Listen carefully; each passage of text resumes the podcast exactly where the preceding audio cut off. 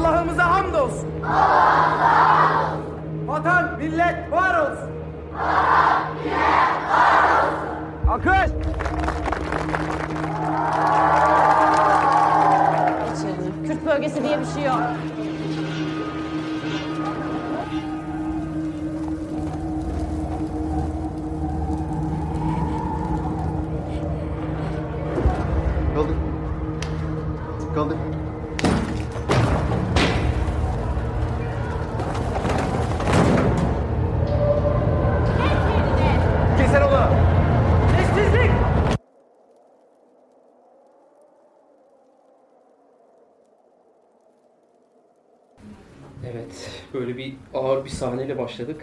Ee, hakikaten insanın tüylerini diken diken eden bir gerçeklik, katı bir gerçeklik duygusu var. Ee, Ferit, biraz e, Ferit'ten bahsetmek istiyorum e, sohbetin başında. E, 83 yılında Muş'ta doğmuş bir arkadaşımız ve e, ilk e, Yusuf'un Rüyası kısa filmi Tufandan önce. Tufan'dan önce ardından Yusuf'un Rüyası kısa filmleriyle sinemaya başladı. Daha önce Mezopotamya Kültür Merkezi'nde e, birçok filmde çalıştı, e, oyunculuk yaptı, yardımcı yönetmenlik yaptı. Daha sonra e, ilk uzun metrajı e, Cennetten Kovulmak filmiyle Antalya Film Festivali'nde en iyi film ödülü aldı. Ardından yıllar sonra e, okul tıraşıyla e, bir dönüş yaptı ve e, uluslararası ve ulusal festivallerde çok konuşuldu, çok ödüller aldı bu film. E, okul, ya çok bildiğimiz, çok aşina olduğumuz bir meseleye bambaşka bir yerden e, bakan bir film. Çok e, sert ve gerçekçi bir film. Bir taraftan politik olarak e, birçok şeyi söyleyen, bunu çok etkili bir şekilde söyleyen bir film. Biraz bugün okul tıraşıyla hem okul tıraşını hem Ferit'in sinema yolculuğunu konuşacağız. Ferit bu, film, bu sahneyi görünce insan ilk ya, o kadar gerçek ve o kadar sert bir sahne ki nasıl bir duyguyla? İnsan- hani oradan çıkmış bir sinemacısın, bir insansın ve oraya nasıl döndün? E, yani bu bu sahneyi yazma ilk bu sahne gelmiş gibi aklına hep öyle hissettim ben izlerken. Biraz Evet. geriye dönsek okul senin İbo deneyimine dönsek yatılı, yatılı okul deneyimine dönsek. Ya ben işte 2000, 1993 ile 2000 arasında 6 sene yatılı okul okudum. Bir kısım Ağrı'da, bir kısım Muş'ta ama şey değişmedi. Yani yatılı yani yatılı okudum sürekli. Sadece bir geçiş yaptım. Tabii o zamanlar şeydi yani böyle sürekli şimdi yatılı okullar şehrin içinde daha çok. O zaman hepsi şehrin dışındaydı daha. Çünkü şehirler genişledi. Ee,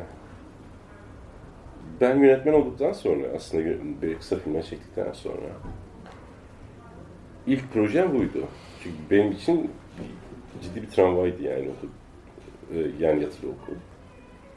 Ve benim gözümde canlanan ilk sahne de burası, yani bu sahneydi. Herkese arkadaşlarımın da.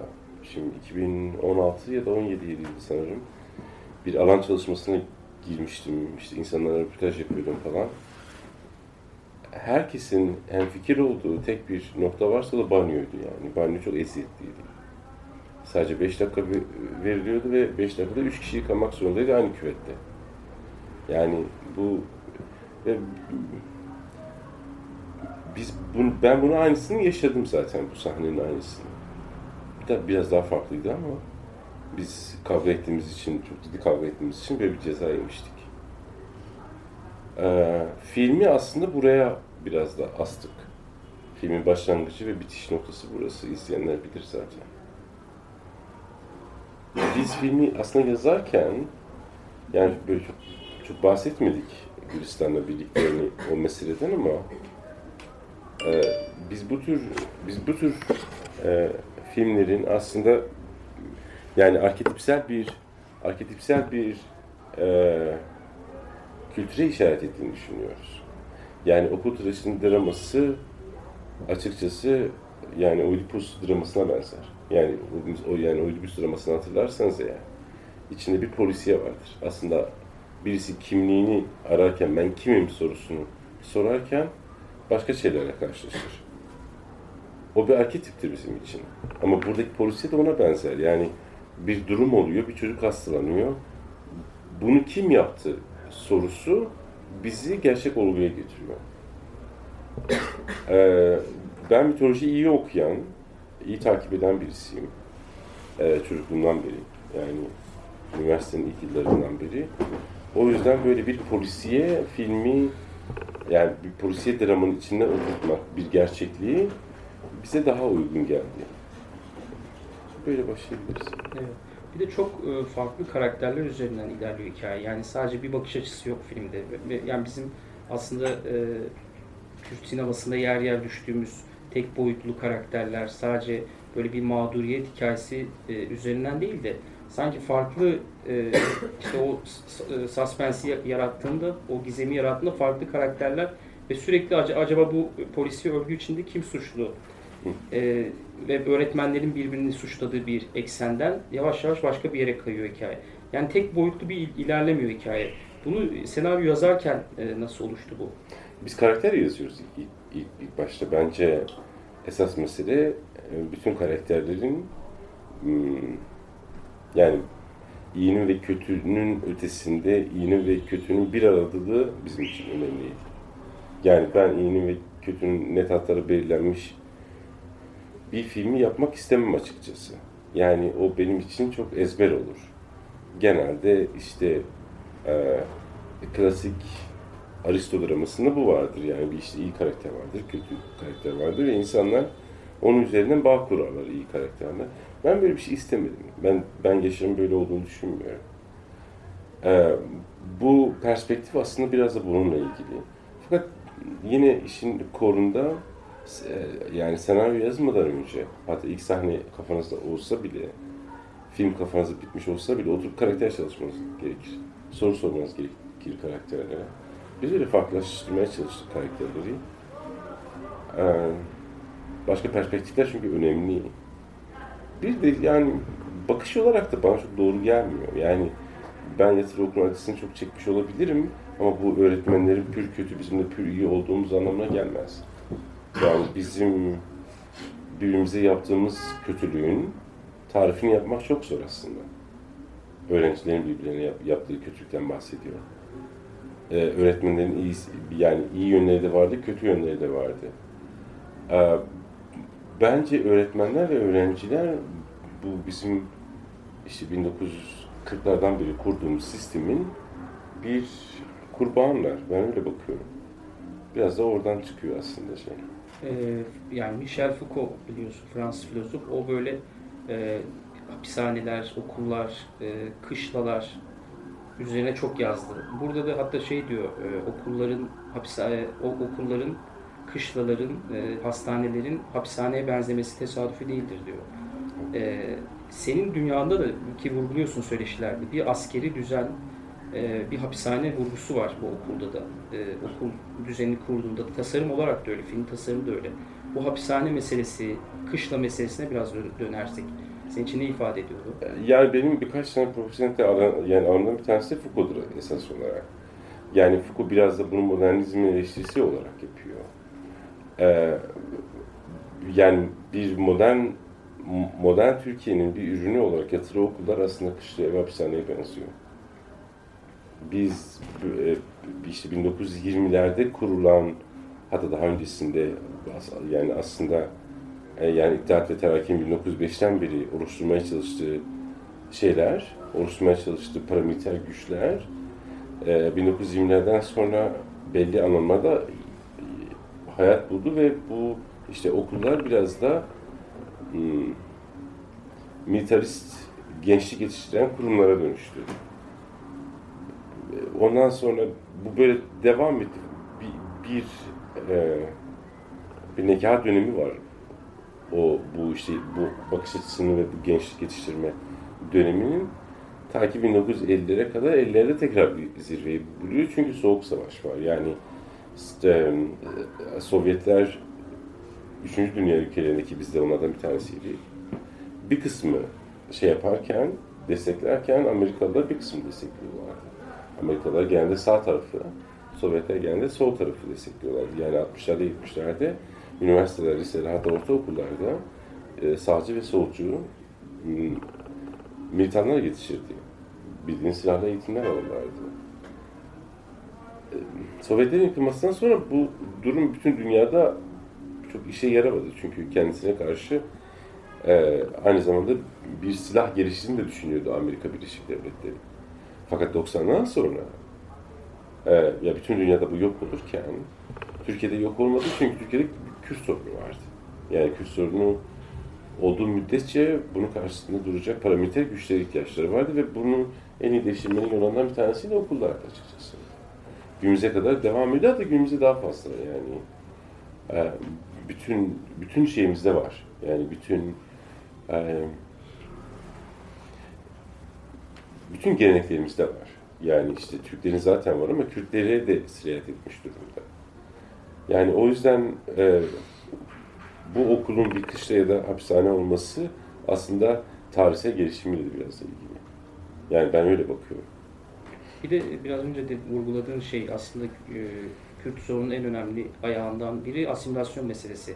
Bu okullar bir taraftan da asimilasyon merkezleri olarak geçiyordu. Özellikle 90'larda. Sen de bunun içindeydin ve bunu birebir yaşadın. O asimilasyon boyutunu konuşsak birazdan. Evet, yani şimdi Türkiye'deki asimilasyon aslında modernist bir asimilasyon. Yani e, bu asimilasyon daha çok işte, hmm, işte birkaç tane topluluğa yönelik e, toplu şekil yani toplu şekilde işte baskı yoruyor çünkü modernist bakış baskıyı ve şiddeti beraberinde getirir. Onunla birlikte bir üst çatı altında toplama belli bir zaman sonra da o alttaki kimlikler diyelim, o, o alttaki kimliklerin e, silmesine sebebiyet veriyor. O yüzden özellikle yatılı okullar bence ki tamamen bir yani bir asimilasyon merkezidirler. Yani her şeyde bir asimilasyon merkeziydiler. E, şimdilerde de çok büyük farkı yok. Yani tamamen böyle bir hmm, yani çocuk devşirebilecekleri bir mekanizma. Yani biz biz bunu Osmanlı bunu Ruslardan aldı ve uzun yıllar kullandı ama şimdi yani modern Türkiye Cumhuriyeti de Osmanlı'dan alıp şu anda kullanıyor. Tabii bu asimilasyonun başarılı olduğu e, çok aşikar bence. Ben, ben hani e, okullarda ve diğer diğer platformlarda Türkiye'deki asimilasyonun çok başarılı olduğunu düşünüyorum. Yani Türkiye'de 32 milyon Kürt var. E, bunun yarısından fazlasının gerçek anlamda asimile olduğunu düşünüyorum. Yani kendi kimliğini, dilini, ne bileyim tarihini vesaire filan çok önemsemeyen, e, bilmeyen, bilmek istemeyen, kendisini başka bir kimlikle e, özdeşleştirmeye çalışan büyük bir e, insan kitlesi var. E, yani bu yatılı okullar da o platformlardan sadece bir tanesi yani bence. Bu arada arada e, sizin de sorularınızı alabiliriz. Böyle biraz sohbet havası olur. Şimdi dokuz. Ne yapıyorsun? Dikkatimiz dağıldı. Mı şurayı? Yok dikkatimiz sadece ondan aldı. Tamam pardon. Arada soru cevap da yapabiliriz. Ee, sohbet havası olsun yani. Buyurun. Abi daha çok ben özel bir soru soracağım. Tabii. Ee, Muş'ta hangi okulda okudun? Yatılı okulda. Ben, lise, e, ben liseyi Muş'ta okudum. Endüstri Meslek Lisesi'nde okudum. Endüstri Meslek okudun. 93 kaç yıllar arası? 96, 97, 2000 arası Endüstri Meslek Lisesi'nde okudum. 97 2006. Çünkü ben de aynı tarihlerde orada yatılı okulda okuyorum. O yatılı okuldan çıkmadım. Ha yok ben ortaokulu Ağrı'da okudum. Sonra liseye şeye geçtim. Fatih. Böyle ortaokul, lise böyle gitti. Hı. O küçük çocuk, bizden daha küçük çocuklar. Tabii, böyle birden beri geldi, alıyorlar. vardı. Evet. 6 yaşında, 7 yaşında çocuklar var. Hatta bir film, yani şimdi çok fazla şey var. İşte yatılı okulda aslında birkaç tane film çıkabilir ama şimdi bir günde geçen ve temel bir draması olan, bir merkezi olan eee, bir yapıda bütün her şeyi koyamazsınız. Biz bir sigara içiyorduk ortaokulda hatırlıyorum. Ortaokul 2'deyken. Bir tane arkadaşımız da eee ilkokul ya 3'te ya 4'teydi ve hala emzik kullanıyordu. Biz sigaralarımızı kilotlarımıza yerleştirirken o da emziğini kiloduna yerleştiriyordu. Yani böyle poşetlerin içinde yapıyordu falan. Yani iğrençti yani. Öyle bir öyle bir anımız var. Yani. Hocam çok böyle benim dikkat ettiğim şeyler çocuklara evet, çalışmak çok zor. Çalış- çocuklarla çalışmak aşırı zor bir şey. Film boyunca figürasyon olsun, baş karakterler olsun e, hiç açık vermediler. Siz mi çok zorladınız, zorlandınız yoksa şans mıydı? Ya ben çok şansa inanmıyorum galiba. Yani eee, çok böyle gazlar, şans vesaire filan meselesini aslında Freud şöyle değerlendiriyor. Diyor ki işte bastırılmış arzuların ve çatışmaların sonucu çıkıyor ortaya. Bu da öyle gibi görüyorum. Yani ben 8 ay kas yaptım yani oyuncu aradım. Ee, örneğin o çocukları yönlendirirken dersime iyi çalışmıştım. Yani e, her birisine bir numara vermiştim mesela koridorda. Yardımcı yönetmenim 8 dediği zaman bir çocuk çıkıyor, 9 dediği zaman bir, bir çocuk çıkıyordu. Hepsini ben masa başına tasarlamıştım aslında. Yani bir sete gittiğimizde hangi plan, nereden çekileceğini, ışığın nasıl olacağını, nereden ses alacağımı bile tasarlamıştım. Fakat oyunculara prova yapmamıştım. Çünkü ben bu tür filmlerde oyunculara prova yapmanın aslında hem masumiyeti öldürdüğünü hem oyuncuları mekanikleştirdiğini düşünüyorum. Çünkü çocuk oyuncu çok fazla ve ikinci defa artık sıkılıyor ve sanki işte andımızı ezberler gibi diyaloglarını ezberlemeye başlıyor. O duruma düşmemek için bütün etrafı halletmem gerekiyordu. Sadece oyuncuya yoğunlaşmak için. Ee, biraz da şey, biraz da şimdi ben oralıyım. O ben onlardan evvel orada okudum. Şimdi bu çocuklar çok zehir gibiler yani çok zekiler ve İstanbul'dan gelen ekipleri çok iyi işleyebiliyorlar. Yani ağlıyorlar, duygu sömürüsü yapıyorlar, kızıyorlar, bağırıyorlar, bir sürü yol kullanıyorlar. Bu bana biraz sökmüyordu galiba. Yani ben onu yemiyordum ve belli bir mesafe koymuştum kendime onların arasına. Yani asla dokunmuyordum, çok yaklaşmıyordum. Yani böyle hani yaklaşıp bir şeyler söylemek yerine hani böyle bir, bir, bir mesafeden bir şeyler söylemeye çalışıyordum. Gülmüyordum, kızmıyordum da. Böyle bir şey tutturmuştum yani. Ben girdim mesela çok işte içeride duyuyorum kulaklıktan işte revinin içinde bağırıp çağrışlar. Ben ama içeri girdiğimde bir anda kesiliyordu sesler yani. Öyle bir disiplin oluşturmuştum. Yoksa bitiremezdim yani filmi bunlar.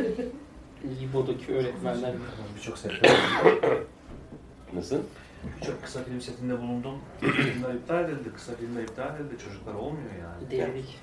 Bu kadar çocuk bir de. 500 tane çocuk var herhalde. Evet. İşte 500 tane, 400, 450 kişi. Tekniğin bayağı zorlandığı bir şey yani. Her şeyi bırakıp onunla uğraşmak zorunda kalıp projeyi mahvedebilirsin. O Tabii şekilde. ki. Evet o oyuncu yönetimi hakikaten hem profesyonel Ya Gülistan ve Gülistan benim eşim aynı zamanda ortak yazarım. Gülistan ve Kanat, Kanat yapabilirim. Benim çocuk yönetmende mahir olduğunu düşünüyorlardı. Çünkü bir önceki filmde de çocuk vardı, kısa filmde de çocuk var aslında. Ee, Yusuf'un rüyasında yok ama şeyde var, Tufan'dan önce de var. Ee, ben biraz, biraz Fellini, biraz da ge- yani daha böyle 60'ların 70'lerin usulünü kullanıp sürekli onlara işler verip doğallaştırmaya çalışıyordum ama bir noktadan sonra onları tanımak gerekiyor. Ee, özellikle bizim bölgedekileri yani gerçekten çok e, zekiler yani. Ama şu da bir gerçek yani şimdi ben büyükler nasıl benim en çok rahatsız olduğum tavır şuydu ay canım ay cicim vesaire filan yani bu buradan doğuya giden, bu doğu her yer olabilir, Sivas olabilir, işte Kürdistan herhangi bir ili de olabilir. Ee, Herkeste bu var tamam mı? Yani Türk'ünde, Kürd'ünde, hepsinde. Ben bu bakıştan çok rahatsız oluyorum. Yani e, siz eğer çocuklara bir karakter gibi davranırsanız onlar da size işte büyükler gibi davranmaya başlıyor. Yani ben şu anda nasıl konuşuyorsam gerçekten işte felsefeden, sosyolojiden şunlar bunlar onlarla da konuşuyordum aynı zamanda böyle. Onlar anlamış anlamamış ne kadar anlamış o, o onların bileceği iş değil. Yani ama bir şekilde hissediyorlardı. Onun e, onun da vermiş olduğu tabiri caizse şansın da ya, yani yardımıyla birlikte böyle bir şey çıkardık. Hatta başlangıçta mesela Yusuf herkes çok övüyor, ödüller aldı vesaire falan. Gülsen ve Kanat benim Yusuf'la çalışamayacağımı ve bir an önce vazgeçmemi istiyorlardı. Yani şeyden, yani Yusuf'u çıkarıp yeni başka bir karakter. Çünkü Yusuf gerçekten hortum yemiş gibiydi. Ee, ilk sahnede ben ona yürümenin nasıl nasıl yürüyeceğini öğretmeye başladım. Böyle, böyle hazır oldu yürüyordu falan. Ee, ama sonra yavaş yavaş açılmaya başladı, gevşemeye başladı yani. Zor ama kamera öyle. Bir de tabii. Evet. Ben de oynadım yakın zamanda biliyorum. Çok zor. Ya bir de Başka bir şey şöyle, ya bir de şöyle şimdi bir, biz büyük bir ekip, ben kısa zamanda işte 4 haftalık bir zamanda çektim. Ama büyük bir ekiple çekiyorum ben. İşte benim ekibim 65-70 kişi oluyor genelde. Diğeri de doğru. Yani 15-20 kişilik ya da o 6-7 kişilik ekiple ayrı ayrı çektiğin zaman da iyi film çıkabilir. Bu da başka bir yöntem. Çünkü benimki, benim filmler çok kalabalık oluyor. Ve kas kalabalık olunca ekip de kalabalık olmaya başlıyor. Ve bizim ekipten iki kişi var işte hmm, oyuncu koçu denilen e, işi yapıyorlar. E, benim de kulağımda kulaklık var. Yusuf ve Memo e, sürekli benim asistanımdan birkaç tanesine şey soruyorlar. İşte ne zaman gideceğiz? Ne zaman gideceğiz? Dersimiz var. O biz 15 saatteyiz bir ders yok yani. Çünkü tam 15 saatte çekiyoruz yani bir aylık zaman diliminde. 15 tatil evet 15 gün ama Kürtler onu uzatıyor bir hafta önce bir hafta sonrasında. Biz de uzatıyorduk yani. Ben kulaktan indim dedim ki ne dersi ya bu? Birbirlerinin kulaklarına bir şeyler söyledi benim asistanlar böyle paniklediler yani ne diyeceklerini falan. Sonra e, kabak e, şeyin başına patladı, yardımcı yönetmenin başına patladı. Gel dedi ki hocam oyuncu koçu bizim çocuklar yoga dersi yapıyor. Dedi ki çağırın onları siz. Ne yogası ya Kürt çocuklarıyla siz manyak mısınız nesiniz dedim. Dedim ki arkadaşlar siz, e, o iki arkadaşı otele gönderdim. Dedim ki bundan sonra yoga dersi iptal. Nefes egzersizi değil mi? De, de, yani yoga dersi. Çocuklar ne, ne hissetmiş acaba? Onu bilmiyorum. Biliyor musun? Kızmışlardır bence. Kızmışlar. Evet yani. Belki eğlenmiş. Belki de çok eğlendi. Peki bi- biraz e, senin çocukluğuna dönmek istiyoruz. Dönelim biraz. Dönelim. Senin filmlerinde o çok çocuk karakterler var gerçekten. Biraz da geçmişe dönüş, bir terapi gibi belki de. Bu çocukluk neden bu kadar seni ilgilendiriyor ve senin çocukluğun nasıl geçti, nasıl bir ortamda geçti? Hatta oradan sinema yapmaya dönük bir şey var mıydı bir iz, işaret?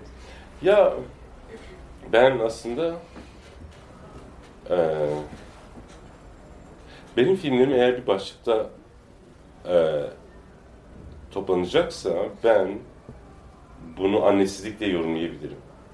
Yani aslında okul tıraşı annesiz birçok insanın bir arada bulunduğu ve neye dönüştüğü bir film. Yani ben be- yani benim de öyleydi. Yoksun olma duygusu, yoksunluk bence annesizlikle işlenir. Ee, yani atıyorum 8-9 yaşında yatılı okula başlıyorsun ve bu uzun yani bütün ilk gençlik yıllarını ya da bazıları 7 yaşında 6 yaşında şeye başlıyor. Yani annesi de öğrenmeye başlıyor. Yaşamla yani eğer sizin anneniz yoksa gerçekten etrafınızda ya da dünyada baktırabileceğiniz hiç kimse yoktur ve yalnızsınızdır. Yani e, çünkü sizin anne rahmiyle kurduğunuz ilişki o rahim etrafında gelişen akrabalık bağlarıyla belirlenir. Yatılı okul bunu bizden almış bir kurum bence. Yani e, ben kendimi gerçekten köksüz hissediyorum. E, O zaman da öyleydi. Yani yalnız bir çocuğum ve yalnız oynamaya başlıyordum. O zaman da atmosfer kuruyordum işte. Ne bileyim çubuklarla vesaire filan ama Yani bunun yani bunun biraz da yani bu bu yoksunluğun filmlerini yaptığını düşünüyorum. Bundan sonraki projem de öyle aslında. Yani birçok böyle gerçekten annesiz olan insanların dünyayla kurdukları bağ ama bu bir politik atmosferde kuruluyor. Fakat genel olarak Kürtlerde, Kürt sinemacılarda ki ben çok değerli buluyorum bu duyguyu. Ee, çocukluk hikayelerini anlatmadaki itki İran sineması gibi değil. İran sineması belli bir belli bir baskının aracılığıyla onu bir trampen olarak kullanır.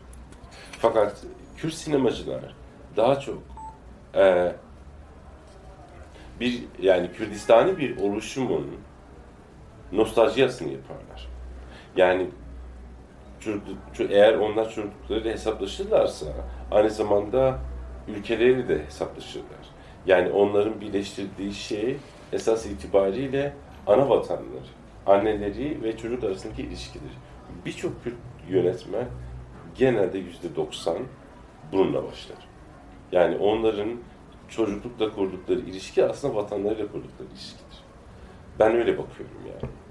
Yani zaten pratik de öyle gösteriyor. Böyle çıkıyor ortaya. Dikkat edin. Sarhoş Atlar zamanında mesela yani. Hepsi öyledir. Ben 5-6 sene önce dikkat etmiştim. İşte 30 tane yazar arkadaşım var. 20 tanesi Kürt. Ben e, 5-6 sene önce dikkat etmiştim. 30 tane yazar arkadaşım var. 20 tanesi Kürt, öykücü, romancı. 20'sinin 18'inde anneme diye ithaf var kitaplarda. Anneme. Çok ilginç. O demek ki anne değilmiş. E, o, o, o, o ana vatan gibi düşün. Yani bir de anne yani 20'sinin 18'ini diyorsun ama bunun 15 tanesi yatılı okulda okumuştur. Öyle düşün. Yani bilmiyorum, tanımıyorum kim olduklarını ama muhtemelen öyledir yani.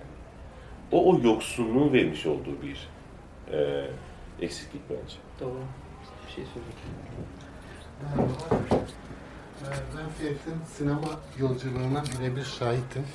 Sinemacı olmadan tanışmışız. Ve sonrasında ilk yolculuğu, çabaları ve ilk kısa filminde çalışmıştık. Sanat yönetmenliği yapmıştım. Ee, Ferit'i tekrar herkes e, hem tekrardan tebrik ediyorum. İki tane e, altın portakal almak gerçekten e, hmm, tebrike değer diye bir şey diye düşünüyorum. Ee, çok değerlidir. Ferit tekrar tebrik ediyorum. Benim sorum şöyle Ferit. Şimdi zaten orada ben mesela filmi ilk fragmanını gördüğümde bana duvar filmini anımsattı. Yani filmi izlememişim sadece fragmanından duvar filmi aklıma geldi. Ee, şimdi duvarda e, çok cesurcu, fazlasıyla cesurdu ve bizi çok rahatsız eden şeyleri gördük ve Yılmaz Güney'in yaptıklarını gördük. Şimdi Ferit'in e, filmi daha izleyemedim. Bundan dolayı mahcubum. Ee, şu ilk e, aklıma takılanlardan evet o annesizlik, o yurttaki asimile vesaire. Mesela onlar çok e, e, işte, e, ne derler? işlenmesi gereken bir de hani asimile boyutu ana dil üzerinde baskı vesaire diğer etkenlerde e, daha fazla işlenemez miydi? Biraz buna bir ek yapabilir miyim? Yılmaz Güney meselesinde aslında e, o da bir Kürt sineması için baba figürü gibi. Hem e, çok takdir edilen, hep örnek alınan, hem de yıkılması gereken, aslında öldürülmesi gereken, aşılması gereken bir baba figürü gibi Yılmaz Güney. Yılmaz Güney ile ilişki, Kürt yönetmenlerin ilişkisi, hatta Türkiye'de yönetmenlerin ilişkisi böyle şeydir, hani çetrefillidir. Hem Yılmaz Güney'e bakışını da merak ed- ederek söylüyorum. E, hem de işte Duvar filmi orada orada da çok ger- e, sert bir gerçeklik var. Hatta tek, e, tek tip de diyebiliriz e, okul tıraşına göre. Hatta onun annesiyle ilişkisi de e, yazdıklarında vardır. Bir anne meselesi var. Hep filmlerinde sessiz bir kadına bürünür onlar sürüde. Umut'ta hep çok sessiz kadınlar olarak gelir. Biraz onu da konuşalım Yılmaz Güney meselesini. Ya ben duvarı hiç beğenmem. Yani ben duvarı çok böyle tek taraflı, yani tek bir renkle işte bu, bu renk mavi ise eğer bütün duvarı maviye boy, boyayan bizim bizi çok manipüle eden izleyici olarak arkasında başka bir kasmanı olmayan bir e, şey gibi görüyorum. Tabii o yani o dönemin gerçekliği onu gerektirir. Çünkü 80 döneminde kaçak bir adam biraz nefret duyuyor ve sıcağı sıcağına yapıyor. Ben sıcağı sıcağına yapmadım. Ama ben yolu çok beğenirim. Yani yol benim e, ben üç tane film gerçekten benim için çok önemli. E, Tarkovski'nin aynısı, Bahman Kupati'nin Sarhoş Zamanı ve Yol. Bunlar beni ben eden filmler. Ben bunu defalarca defalarca izlemiş. E, işte öğrenci yıllarında ve öyle karar vermiştim. Çünkü aslında bunların yönetmenleri biraz da benim gibiler. Yani bunlar film yapabiliyorsa ben de film yapabilirim cesareti verdikleri için. Fakat bu politik olma yani politik olma duygusu aslında bizim satır aralarında yani okul tıraşını izlerseniz okul tıraşı çok politik bir filmdir. Konteksti politik, bakışı politik vesaire filan. Fakat Kürtleri tatmin etmez bu. Yani ben onunla da uğraşmam yani gerçekten. Yani e, bir tane arkadaşım şöyle bir soru sormuştu bir de Almanya'da ya böyle bir film yaptın hani sen işte Türklerden korkmuyor musun gibi bir şey söylemişti. Ben de ki ben Kürtlerden korkmuyorum. Ben nasıl Türklerden korkmuyorum? Yani gerçekten öyle. Ben Kürtlerden korkmuyorum. Yani çünkü onlar yalın bir anlıyorum ne yaşadıklarını. Ki benim yaşadıklarımdan daha fazla değil gerçekten. Yalın bir propaganda filmi isterler. Ben bunu düşünmüyorum. Ben bir hiçbir siyasi oluşumun e, neferi değilim yani. O yani olmayacağım. Belli bir bakıştan, belli bir mesafeden ben meseleyi değerlendiriyorum. E, bence sanatın durması gereken yer de burası. Yani sen onu özgür bir şekilde değerlendirmen gerekiyor.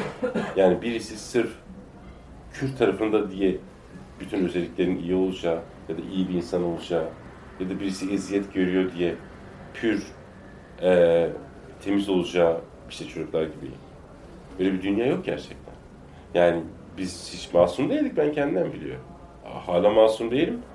Ben kendimden biliyorum. Ben o çocuk kısmında kaldım ama hani masum değil çocuklar. Değiller, değiller. Bizim Orada kaldım. yani bizim birbirimize yaptığımız kötülüğün onda birini öğretmenler bize yapmazdı yani. Yani ben o yatılı okullarda bayağı bir zaman geçirdim. Yatılı okullarda okuyanlar bilir yani. Bir dayanışma duygusu da var. Ama fakat e, öyledir yani. Yaşam tek bir boyutla ele alınamaz bence. Yani tek işte iyiler ve kötüler diye böyle keskin bir şekilde ayıramayız bence. Aa, çok daha Cennetten kovulmakta da bu şey var değil mi? Bakış Tabii, var. evet. İki tarafa da bakmaya çalışan bir diyalog da var. Ya orada da işte iki taraf var. Tabii ben o zaman senaryo yazmayı bilmiyordum. Yani cennetten kovulmakta. Yani bir yönetmenlik dürtüsüyle yapılmış bir film bence. Ee, Türkiye'de çok fazla böyle e, çok çeşitli ve politik sinema çok olmadığı için işte orada burada ödüllendirildi ama ben çok eksiğini buluyorum. Zaten bence e, Okul Tıraşı onun eleştirisi üzerine çıkmış bir film. Yani biz ne, neyi yanlış yaptık? Gülsan'la oturup konuşurken şunu şunu şunu yanlış yaptık ve bunlara düşmeyeceğiz bir daha. Hatta oturup bir manifesto yazdık 52 maddelik. Ee,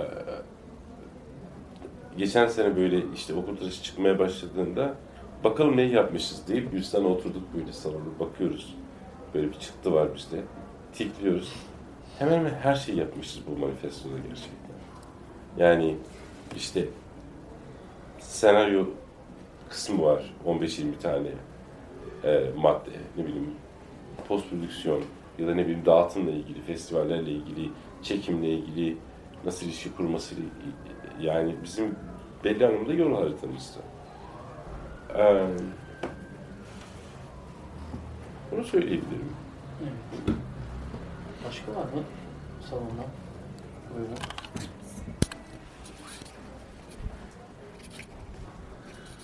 Merhabalar. Ben e, filmi izledim. Gayet e, keyifle de izledim. E, hatta bir de festivalde büyük perdede de izledim. Çok beğendiğim bir filmdi. E, şimdi şunu merak ediyorum. E, siz kastı yaparken mesela öğretmenler, okul müdürü, onların geçmişlerinde bir e, yatılı okul deneyimi var mıydı? Mesela yatılı okul atmosferi oluşturmak için e, bir distopya aynı zamanda. Onlardan bir katkı destek beklediniz mi ya da ona göre mi bir kast yaptınız? Ya da e, o distopyayı sadece ben belirleyeceğim. Kimseye de ihtiyacım yok. Zaten ben yatılı okulda okudum. O atmosferi, o gerçekliğe en yakın atmosferi ben bildiğim şekilde e, oluşturayım diye mi e, düşündünüz? Bir bunu merak ettim. Bir de mesela e, bu yatılı okul yatılı okul meselesi e, birçok insanda e, ben okumadığım için ama e, okuyan arkadaşlarım var onlardan biliyorum. Birçok travmayla dolu. Yani o süreç yatılı okul süreci. E, mesela siz bu filmi yaptıktan sonra bir e, arınma yaşadınız mı? Ya da işte geçmişte yaşadığınız, unutamadığınız sıkıntılar, sorunlar böyle bir sanat yapıtı ortaya çıkardıktan sonra bir rahatlama yaratıyor mu kişide? Bir de bunu öğrenmek istedim. Evet. Şimdi oyuncu meselesi e, bizim elimizde iyi bir metin vardı. Yani bir senaryo gerçekten böyle bir çırpıda böyle 25 dakikada okunabilen 87 sayfaydı zaten. Aşağı yukarı da filmde o kadar. Böyle bir çırpıda okunabilen bir, bir yapısı vardı. Ee, ben de Gülistan'da kendimizi yazar olarak görürüz. Yani yönetmenden öte, yani ikimiz de öyleyizdir. Ee, ve senaryo gönderimizi zaten oyuncular kabul etmişlerdi. Fakat ben onların backgroundlarında bir yatılı okul geçmişi olmasını beklemiyordum. Fakat çocuklar zaten oradandı ve yatılı okuldan yani. Şunu yani mesela Yusuf'u seçerken şöyle böyle bir hmm, şimdi düşündüğüm gerçekten çok tehlikeli, ahmakça bir bekleyişti. Ben Yusuf'u e, bulmayacağımı, Yusuf'un beni bulacağı gibi böyle bir beylik laf etmiştim bizim, bizim arkadaşlara. Ve böyle çekimi bir ay kala artık herkes elleri ayakla titremeye başladı. Çünkü yani biz bütün ekibi toplamışız, paralar harcanmış, gitmişiz, gelmişiz vesaire filan. Beni bekliyorlar ki ben Yusuf'u seçeyim. Neyse seçtim bir şekilde de hani birini aldım işte. Çok da memnunum yani gerçekten. Öğretmenlere şunu söylemiştim. Hem coğrafyanın e, bize bizi tanıdığı alanla ilgili hem de biraz da orada vakit geçirip okul içe kalmalarıyla ilgili orada kalacaksınız dedim. Bir, bir iki hafta öncesinde geleceksiniz, orada kalacaksınız. Bir, bir prova yapmayacağız sizinle, bir şey yapmayacağız. Sadece işte takım elbisenizi giyin, okulda dolaşın, öğretmenin odasına gidin, yukarı PlayStation salonu kurduk, gidin orada oynayın vesaire falan. Yani zaman geçirin yani bir iki hafta. O süreç onları biraz geliştirdi. Bir de ben başlarken yavaş başladım. Yani daha çok çocuklarla böyle bir alıştırma gibi. Yani örneğin ben çamaşırhane sahnesiyle başladım. 3-4 tane çocuk var, bir tane hademe var. Ee, ve öyle işte bütün gün o sahneyi çektim. Ama böyle e, yanılmıyorsam 3,5 saatlik bir görüntüyle e, o gün böyle herkesi aslında başlarken bu film o kadar sandığınız kadar kolay olmayacak. yani biraz e, zorlanacağız diyebilmek için de. E, bir diğer mesele bu arınma meselesi. Hmm, ya tam arındım mı bilmiyorum. Yani belki de önümüzdeki süreç daha iyi bana gösterecektir ama berraklaştığım söylenebilir. Yani ben sorunun ne olduğunu, aslında ne yapmaya çalıştığımı, aslında bendeki bu travmanın kaynağının ne olduğunu, işte hem politik düzlemde hem hem hem karakter düzleminde benim ben burada neredeyim sorusunu sorduğum bir film. Yani ee, yani böyle nasıl söyleyeyim okul sürecini yaptıktan sonra bizimkilere ilk başta daha fazla kızmaya başladım. Özellikle anneme ve babama yani. Böyle anne babalık mı olur yani? Hani biraz dışarı çıkıp baktığınız zaman ya çocuğunu o yaşlarda o okula verilir mi? Fakat şunu da biliyoruz yani. Şimdi biz gerçekten örümcek ağına takılmış sinekler gibiyiz. Eğer biz yatılı okulda durursak örümceğe yem olacağız. Ama çırpınıp kanatlarımızdan birkaç tanesini kaybedersek bu sefer de yere düşüp uçamayacağız. Yani biz yatılı okul okumasaydık muhtemelen köyde bu meseleyi aşağılamak için söylemiyorum ama hani köyde kendi halinde yaşayan insanlar olacaktık. Bugün bunu konuşmayacaktık. Orada kaldık ve gerçekten örümceğe yem olduk. Tabii ki belli zaman sonra bu örümcek bizden çok fazla yediği için kusmaya başladı yani. Ee, işte üniversitede ve, ve daha sonrasında işte çocukları çıkıp bir şekilde bu hikayeleri anlatıyorlar. Bir şekilde bu e, filmleri yapıyorlar. Bilmiyorum Mehmet yani zor tabii bununla yüzleşmek. Ya, fakat yani benim kendimle barışamadığım noktadan bir tanesi aslında Auschwitz'teki kurbanların travması gibi. Auschwitz'teki çünkü belli bir dozdan sonra zulüm gerçekten seni o suça ikna ediyor. Yani şöyle açıklayayım. E, biz yatılı okulda bizi bu muamelenin bize reva olduğunu, çünkü bizim ailemizden, karakterimizden, burada doğduğumuz coğrafyadan e, başka bir şey çıkmayacağını düşünüyorum. Auschwitz'tekiler de öyle bu arada. Yani ölümlerin e, yani ölümlere Nazi tarafından bakıyorlardı. Yani ben de öyle bakıyordum o zaman. Yani bu ben bunu hak ediyorum. Bunlar bana kötü davranıyor. Hem mesela bir tane işte öğretmeni vardı. Beni de görse döverdi yani. Böyle Karadenizli bir öğretmen. Saçma sapan bir adamdı yani. Bir şekilde gözüne batmışım. Ben de biraz da yaramazdım falan yani. Ben aslında benim bu dayağı sürekli hak ettiğimi düşünüyorum. Ya da bu aşağılanmayı. Sürekli aşağılıyordu. Yani e, ya o yüzden mesela uzun bir süre hani onların bana yaptığından değil, benim niye bunu hissettiğimle ilgili biraz da e, kendime kızgınlığım arttı. Yani bununla bir yüzleşmem gerekirdi. E, açmaya çalışıyorum yani yavaş yavaş yani bütün herkes gibi. Şimdi filmi izlemeyenler için e, şunu söyleyebilirim. Başlangıçta filmin en başında 2-3 tane çocuk mızrakla, bu yangın söndürme mızrağıyla yemekhaneden ekmek çalıyorlar. Ve bu çocuk da, bizim çocuk da şey, yani bu, bu oraya bir linkini, neden ekmek çaldıklarını. Filmde sürekli böyle bir, yani aslında sonuç sonra neden gibi bir durum var. Yani bir linki atıyoruz sürekli. Onu da belirteyim dedim. Evet bir çalma hikayesi var burada. Bir de burada yine bir disiplin ve gözetim meselesi var yine. Bence Foucault'cu bir şey bu da. Hani sürekli bir disiplin var, askeri bir disiplin var, gözetim var. Bunu düşünüyorum ben izleyince hep sürekli. Bu kadar kötülük, kötülüğün sebebi, bu kadar sıradan bir kötülüğün sebebi ne olabilir? Yani bu çocuklar neden bu kadar baskı altında tutuluyorlar? Ee, hani gerçekten derin meseleler. Biraz bu disiplin meselesini konuşsak. Senin filmde sirayet eden e, öğretmenlerden işte çocuklar, çocukların kendi aralarında da bir hiyerarşi var. E, tamamen gü- güçlü bir disiplin meselesi var. Bunu biraz da konuşsak. Ya evet şimdi e, bizim biz biraz da kültürümüzle ilgili yani e, aslında ailelerin e, çok gevşek bir disipline sahip olduklarını yani çok serbest yetiştirdiklerini çocuklarını askeriyede ya da hapishanede ya da okullarda bunun aslında böyle olması gerektiğini gösteren bize davranış biçimleri var. Yani bu kadar disiplini bu çocuklar neden yaşasın?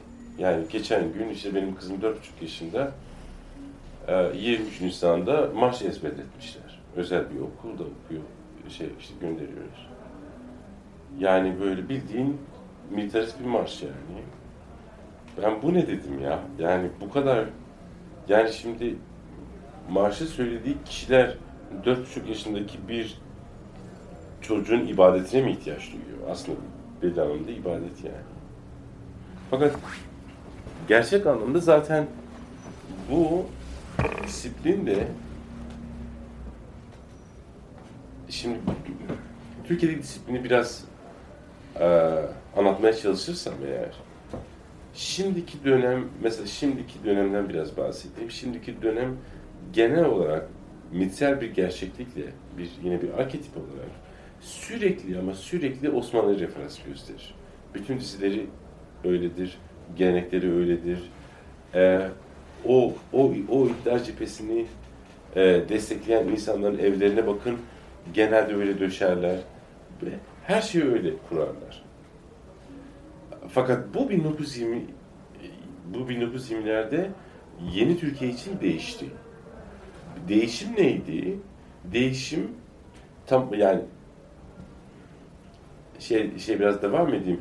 Bizim işte anlattığımız bütün hikayeler hem Osmanlı'yla hem de padişah, prenses öyküleri, kül kedisi öyküsünden tutun da ne bileyim kurbağayı öpmeye kadar ki bütün bütün öyküleri bu belli bir yönetim biçimini yani kralın iktidarı altında yaşama alışkanlığını kanıksama, insan evrelerini yani işte insanın dönüşüm evrelerini bunu kabul ettirme gibi bir gerçekliğimiz var. Fakat ya modern Türkiye'de bu askeriyeden çıkan, disiplin sahibi olan bir yönetimin meşrulaştırmasıydı. Yani tırnak içinde Mustafa Kemal'i. Yani bu, bu bağlamda baktığım, yani bu, bu bağlamda, bu arketipsel bağlamda biz baktığımız zaman aslında biz e, bizim bu okullardaki bütün disiplinimiz, hapishanelerde ve şey yani askerdeki e, modern Türkiye'nin başına gelen yönetim biçimini kanıkslamamız ve kabul etmemiz içindir bence. Bunun bence nedeni bu biraz da. Ee, filmi filmi çekerken de bunun farkındayım. Ve böyle bir disiplinin hani bazıları hem askeriye hem hapishaneye benzetiyor. Bunlar birbirine çok farklı olmadığını, aynı bakış açısıyla yapıldığını düşünüyorum. Bu arada e, biçimsel e, film biçimsel dünyasına dair konuştuğumuzda kamera hareketli, sürekli seyirciyi de e, bir göz gibi oraya e, konumlandıran bir yerde ve her an müdahil olmak isteyen bir seyirci gibi. Bir taraftan da olayların sessiz tanı olan e, Yusuf var. Hani film boyunca neredeyse çok az konuşuyor, sürekli izliyor, anlamaya çalışıyor. Ama başrolünde de filmin. Bu biçimsel tercihleri, bu yapımı nasıl tasarladın? O, o süreci biraz konuşsak. Ya aslında bu biraz da sezgisel bir şey. Yani sizin kamera hareketlerini yönetiyor olmanız. Ee, tabii orada karar vermiyorsanız eğer. Yani masa başında oturup çalıştığında ben bunu bu yüzden çekeceğim gibi işte ne bileyim gösterge bilimsel şeylere girmiyorsunuz. Yani şunu ben bu duyguyu nasıl ortaya çıkarırım? İşte örneğin bu e, mesela bu sahneye özgü konuşacak eğer biz konuşursak biz döngüsel şiddetin nasıl kamerayla anlatabilir? Ve sürekli kamera bir dönüyor yani işte Yusuf'ta dönüyor, onun dönüyor, şununla dönüyor. Ve bir döngüsel şiddet var aslında. Yani bu sahnedeki amacım oydu. Planlarını yazarken da, ta işte e, filmi ben kışın çekecektim. E, ben Temmuz'da başlamıştım aslında nasıl çekeceğime karar vermeye. Biraz da e, bu bir şey. Bir de ben hani 4-3 yapmamın sebeplerinden bir tanesi sadece işte orada klostrofobik atmosfer değil. Ki zaten öyleydi ama aynı zamanda o hem insanların hem de sistemimizin, yönetim sistemimizin ki bu, ki bu her ne kadar bir eğitim sistemiyle ilgili bir film olsa da aslında ben bu bunun yani bir ülkeye tekabül ettiğini düşünüyorum. Zaten o olmasaydı yapmazdım filmi. Yani eğitim sistemiyle ilgili bir e, ne bileyim tanıtım filmi çekerdim. Yani bunu çekmezdim yani. E, ben çok öncesinden şeyi belirlemiştim. Yani o, o, o dar bakışın eleştirisini. Bir sürekli hareket eden çocukların ve şiddet, şiddetin yoğun olduğu, hem psikolojik hem de fiziksel şiddetin yoğun olduğu bir e, atmosferde kameranın sabit duramayacağını düşünüyordum.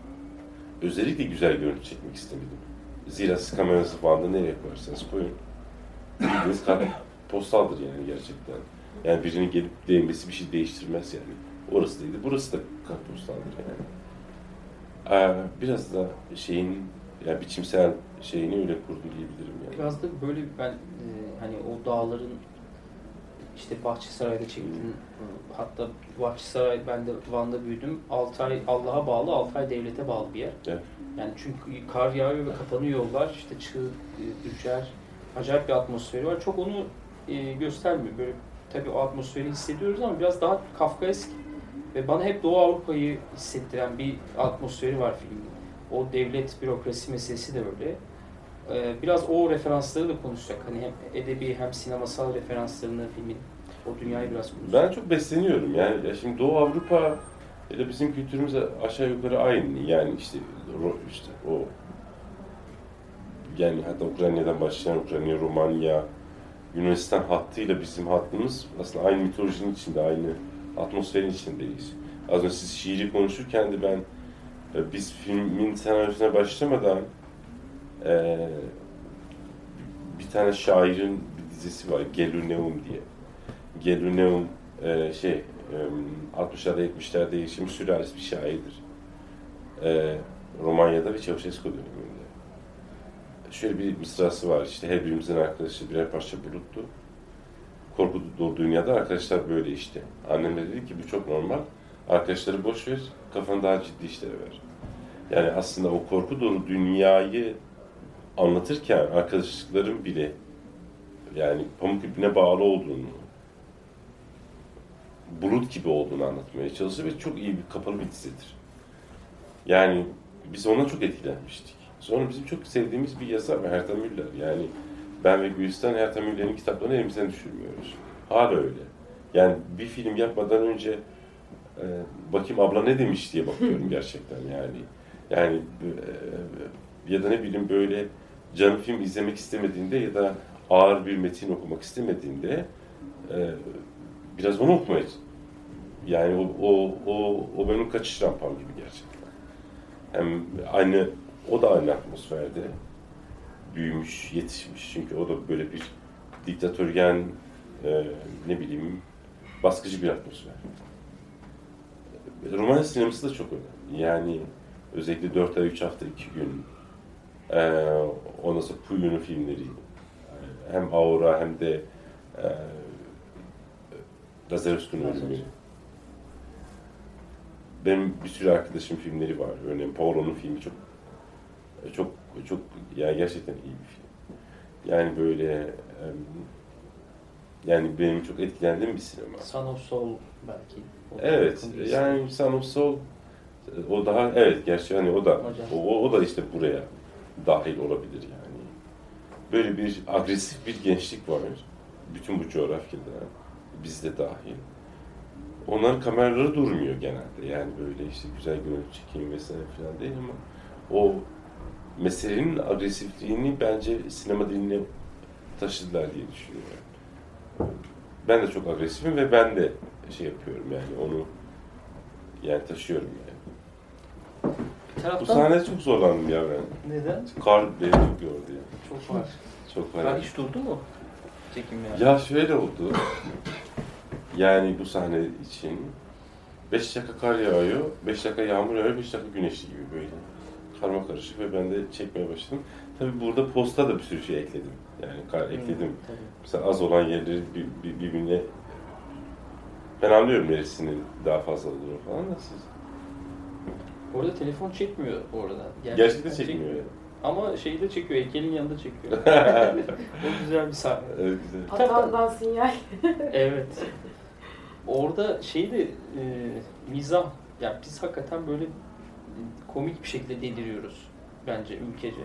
Yani böyle delirirken bir mizah var, kara bir mizah evet. var. Ee, sinemamızda da bu var. Yani bence yeterince yok ama yine de böyle son dönemde iyi filmler izledik. Ee, yine Doğu Avrupa'da bu çok iyi yapılıyor, kara mizah meselesi. Edebiyatlarında da, sinemalarda da. Bu mizah meselesine nasıl bakıyorsun? Bir de Kürtler için de e, hayatta kalma e, aracı bu mizah. Biraz bu mizaha konuşsak. Ya ben biz, bizim komik bir toplum olduğumuzu düşünüyorum. Yani her şeyden önce gülmeyi seven bir toplum var.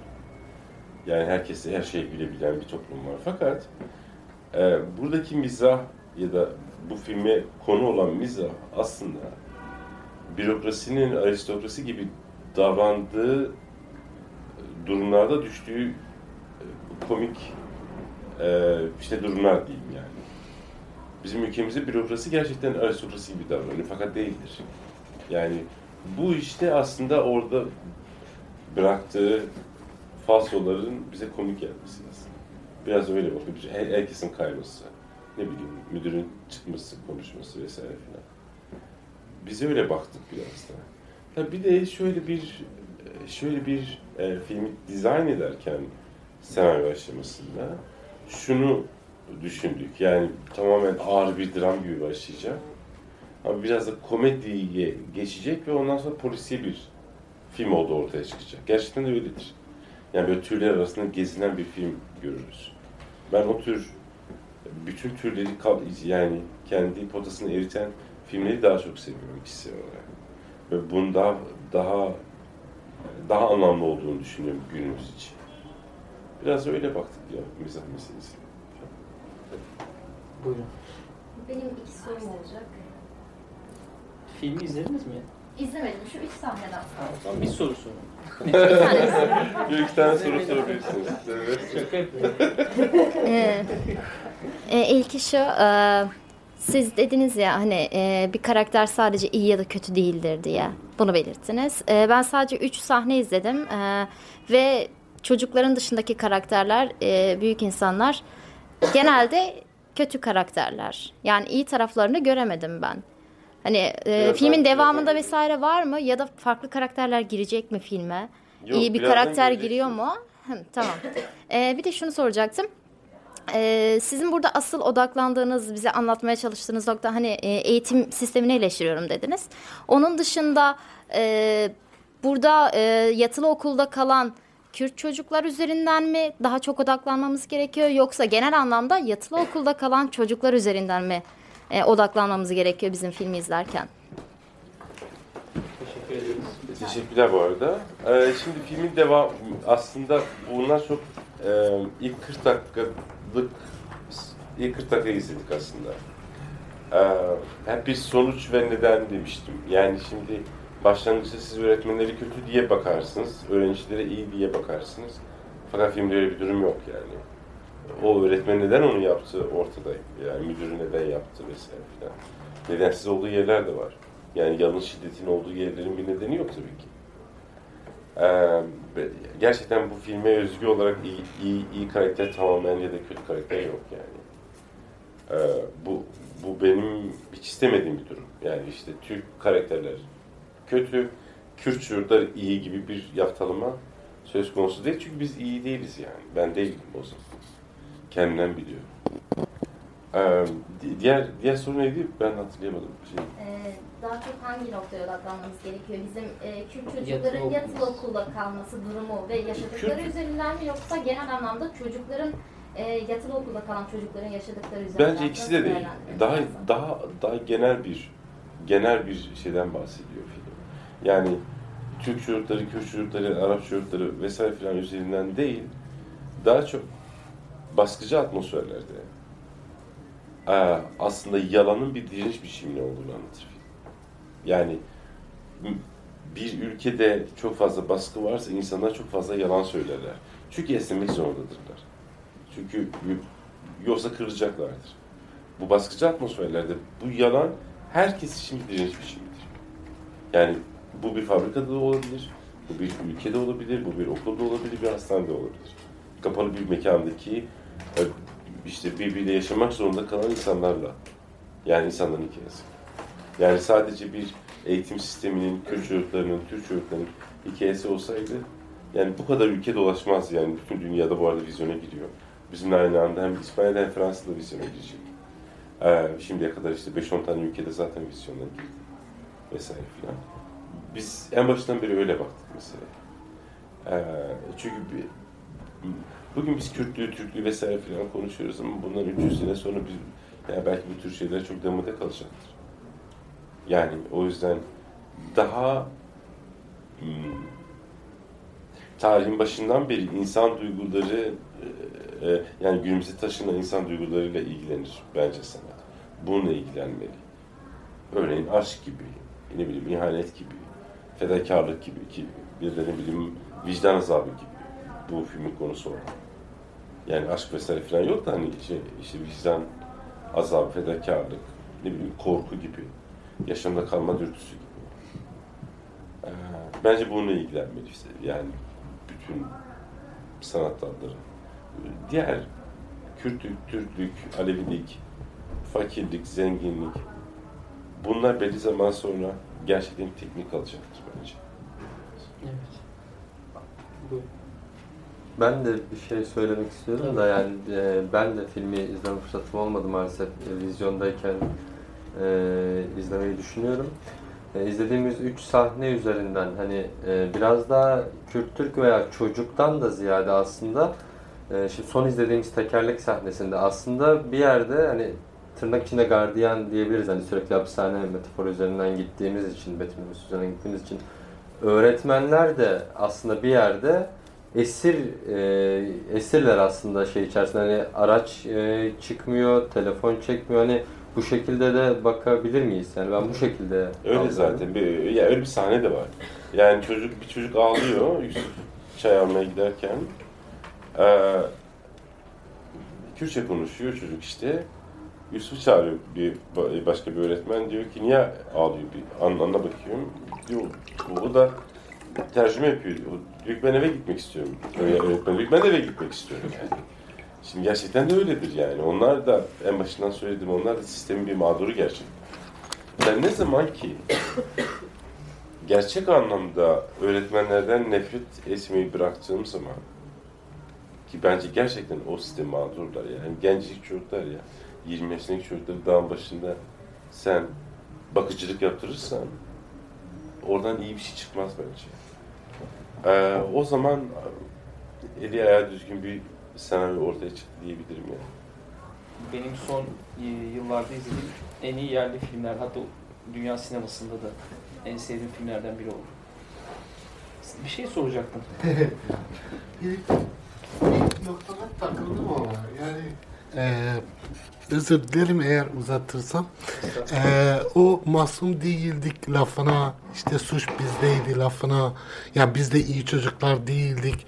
Mesela hani ben o bana biraz şey geliyor ya biraz hmm, kabul edilmeyecek bir şey geliyor. Mesela hani ben de e, Kürdüm. Orada yaşadım, doğdum, büyüdüm.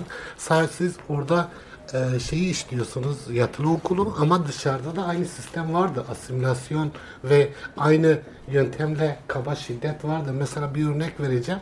Bizde mesela okulumuzda Türkçe kolu, e, sağlık kolu, temizlik kolu vardı. Bir de Kürtçe konuşmama kolu vardı. Ve onun bir başkanı vardı ve bizi ihbar ederlerdi ve öğretmen öldürüsü dövüyordu bizi. Yani bu sistematik bir şeydir. Yani bunu ifade etmek, bunu söylemek bir örgütün ya da partinin şeyi de olmuyorsun yani. Bunu gerçekleri söylemektir. Bu sanat olarak da sanatın daha cesur olması gerektiğini düşünüyorum. Bu konuda ben çocuklara haksızlık yapıldığını düşünüyorum. Kendine de haksızlık yapıyorsun Ferit bence. Ben fikrimi söyledim yani. Eyvallah. Ya şimdi e, yakın dönem hmm, güncel politik bir meseleyi e, eğer şey taşıyorsanız perdeye ya da yazına taşıyorsanız e, çok e, yani özellikle Kürtler yani böyle biraz da e, bu siyasi baskıya maruz kalmış kitle tarafından çok şey oluyor. Yani çok e, sert bir şekilde tepki veriliyor ya da ne bileyim alınganlık gösteriyorlar. Hatta Kürt bir şair var Selim Temo.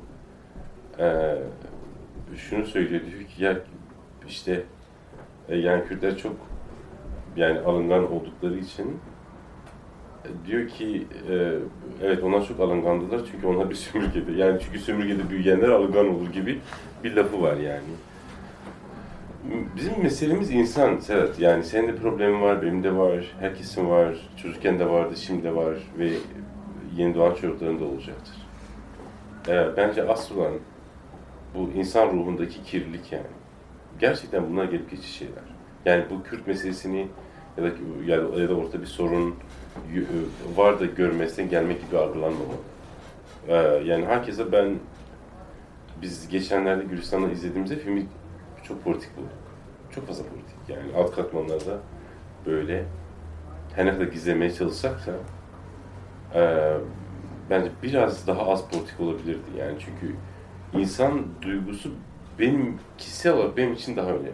Yani e, sen kendi gerçekliğinden bahsedersin, ben de kendi gerçekliğinden bahsederim. Ki burada es geçtiğimde bir şey olduğunu düşünmüyorum. Yani filmde, filmde filmi komple izlersen aslında dikkatli bir izleyici e, hem olumlu taraflarını hem olumsuz taraflarını görür. Bu şey demek değildir. Yani işte bir tarafın pür bir şiddeti var. Hala çocuklar kısmında zaten. Yani, yani çocuklar bütün bütün kültürlerde, bütün coğrafyalarda çocuklar büyüklerden daha kirlidirler. Biz belli e, biz belli zaman işte eğitimle biraz kendimizi törpülemişizdir. Ama gerçekten de öyledir. Yani yine Foucault bir şeyden bahseder, bir olaydan bahseder. Dört tane arkadaşın bir çocuğu nasıl parçaladıklarıyla ilgili bir öyküden bahseder. Yani ya da ne bileyim biz, ben hatırlıyorum biz üç tane arkadaş bir tane çocuğu ağaca bağlamıştık. Ve bütün gün orada, çocuk orada kalmıştı yani. işte karıncalar yiyordu çocuğu vesaire filan. Çocuğu hastaneye kaldırdılar. Yani biz bunun gibi şiddet temelleri biraz da hmm, bir hayvan olarak insanın içinden gelen bir duygu. Yani bunu reddetmemek gerekiyor bence. Evet. Başka var mı soru? O zaman biraz kapatmaya yakın e, yeni neler yapıyorsunuz, neler yazıyorsun, var mı yeni projeler? Onunla kapatalım istersen. Yazıyoruz vallahi bir şeyler. Bir şey eğer e, dişe dokunur bir, şey, bir şeye benzerse bizim senaryo uzun sürüyor. Yani aylardır çalışıyorum üstüne zaten bir yıldır falan. Ee, yakında bitirmeyi hedefliyorum. Bir distopya çekeceğim. Distopya. Evet. Bu da distopyaydı. Bu arada şey ilk yarım saatini izleyenler örneğin iki tane Kanadalı eleştirmen bana, bana dediler ki biz ilk yarım saatte bunun bir distopya olduğunu düşündük. Evet. Ne düşünüyorsun diye bana sordu. Dedim ki bizim gerçeğimiz size distopya gibi geliyor yani. Distopya. Kelime anlamı. Ha kelime anlamı. Dil yanlışı. Evet ama şey evet eee, yani gerçekten de öyledir. Yani bizim bizim gerçekliğimiz onlara distopya gibi gelir. Yani distopya dedim işte yani böyle uçan arabaların ve teknoloji n- eee, yani ilerlemesinden kaynaklı bir, bir, bir distopyadan bahsetmiyorum. Yine politik alt katmanları olan ee, aslında Gülistan'ın annesinin yaşadığı bir öyküyü distopyalaştırdık biraz da. O ne zaman düşünüyorsun çekmeyi? Herhalde yani senaryo ortaya çıkmadan bilmiyorsun tabii. Senaryo biraz da finansmanı daha kolay yapabiliriz diye düşünüyoruz. Ee, hali hazırda e, ben ne yazarsam yazayım böyle para yatıracak bir grup var. Böyle yapımcı grubu, dağıtımcı grubu, arkadaş grubu. Bu çünkü dünyada bayağı sattı okutulaşı. Bayağı başarılı oldu satış anlamında. Ee, ama ben daha dikkatli bir şekilde hani daha spesifikleşip işte daha büyük bir şey yapayım da bir yerlere gideyim gibi değil. Yani distopya olduğuna bakmayın ama okutuluşunda daha küçük bir projeden bahsediyorum. Ee, yine korkuyla ilgili bir hikaye burada yani. Ama temel olarak şunu söyleyebilirim. E, pür, pür bir Sisyphos hikayesi. Sisyphos hikayesini biliyorsunuz. Bir dağa taşı çıkarıp indirme cezası veriyor. E, yani tanrılar Sisyphos'a ve e, öyle bir hikayesi var. Güzel. Umarım onu da burada konuşuruz. İnşallah. İleride. Ee, benlik bu kadar. Sen bir şey bilmek ister misin? Teşekkürler arkadaşlar geldiğiniz İyi ki için, geldiniz. davetiniz için de. Çok sağ olun. Teşekkür ederiz. Umarım e, yakında filmi izlersiniz. Ve işte dijital platformlara da gelir. Orada da izlenir, konuşulur. Evet. Olmasa korsana düşer. Düştü galiba değil mi bir ara? Bir ara düştü kaldık. Çok sağ olun geldiğiniz için. Teşekkürler.